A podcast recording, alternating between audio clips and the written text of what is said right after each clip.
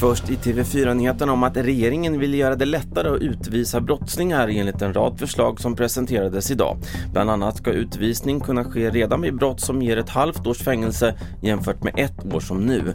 Ett annat av förslagen är att det inte längre ska tas hänsyn till synnerliga skäl och lång vistelsetid.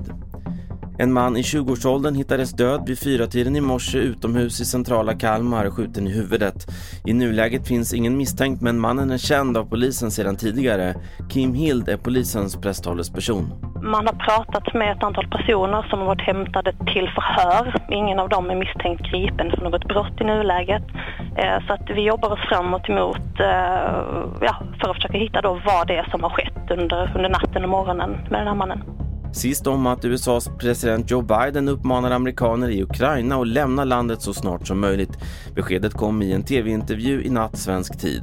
Om det utbryter krig i fler delar av landet så kan USA inte evakuera sina medborgare, var beskedet. That's a world war when Americans and Russians start shooting at one another. We're in a very different world than we've ever been in. Fler nyheter i appen TV4 Nyheterna. Jag heter Carl-Oskar Alsen.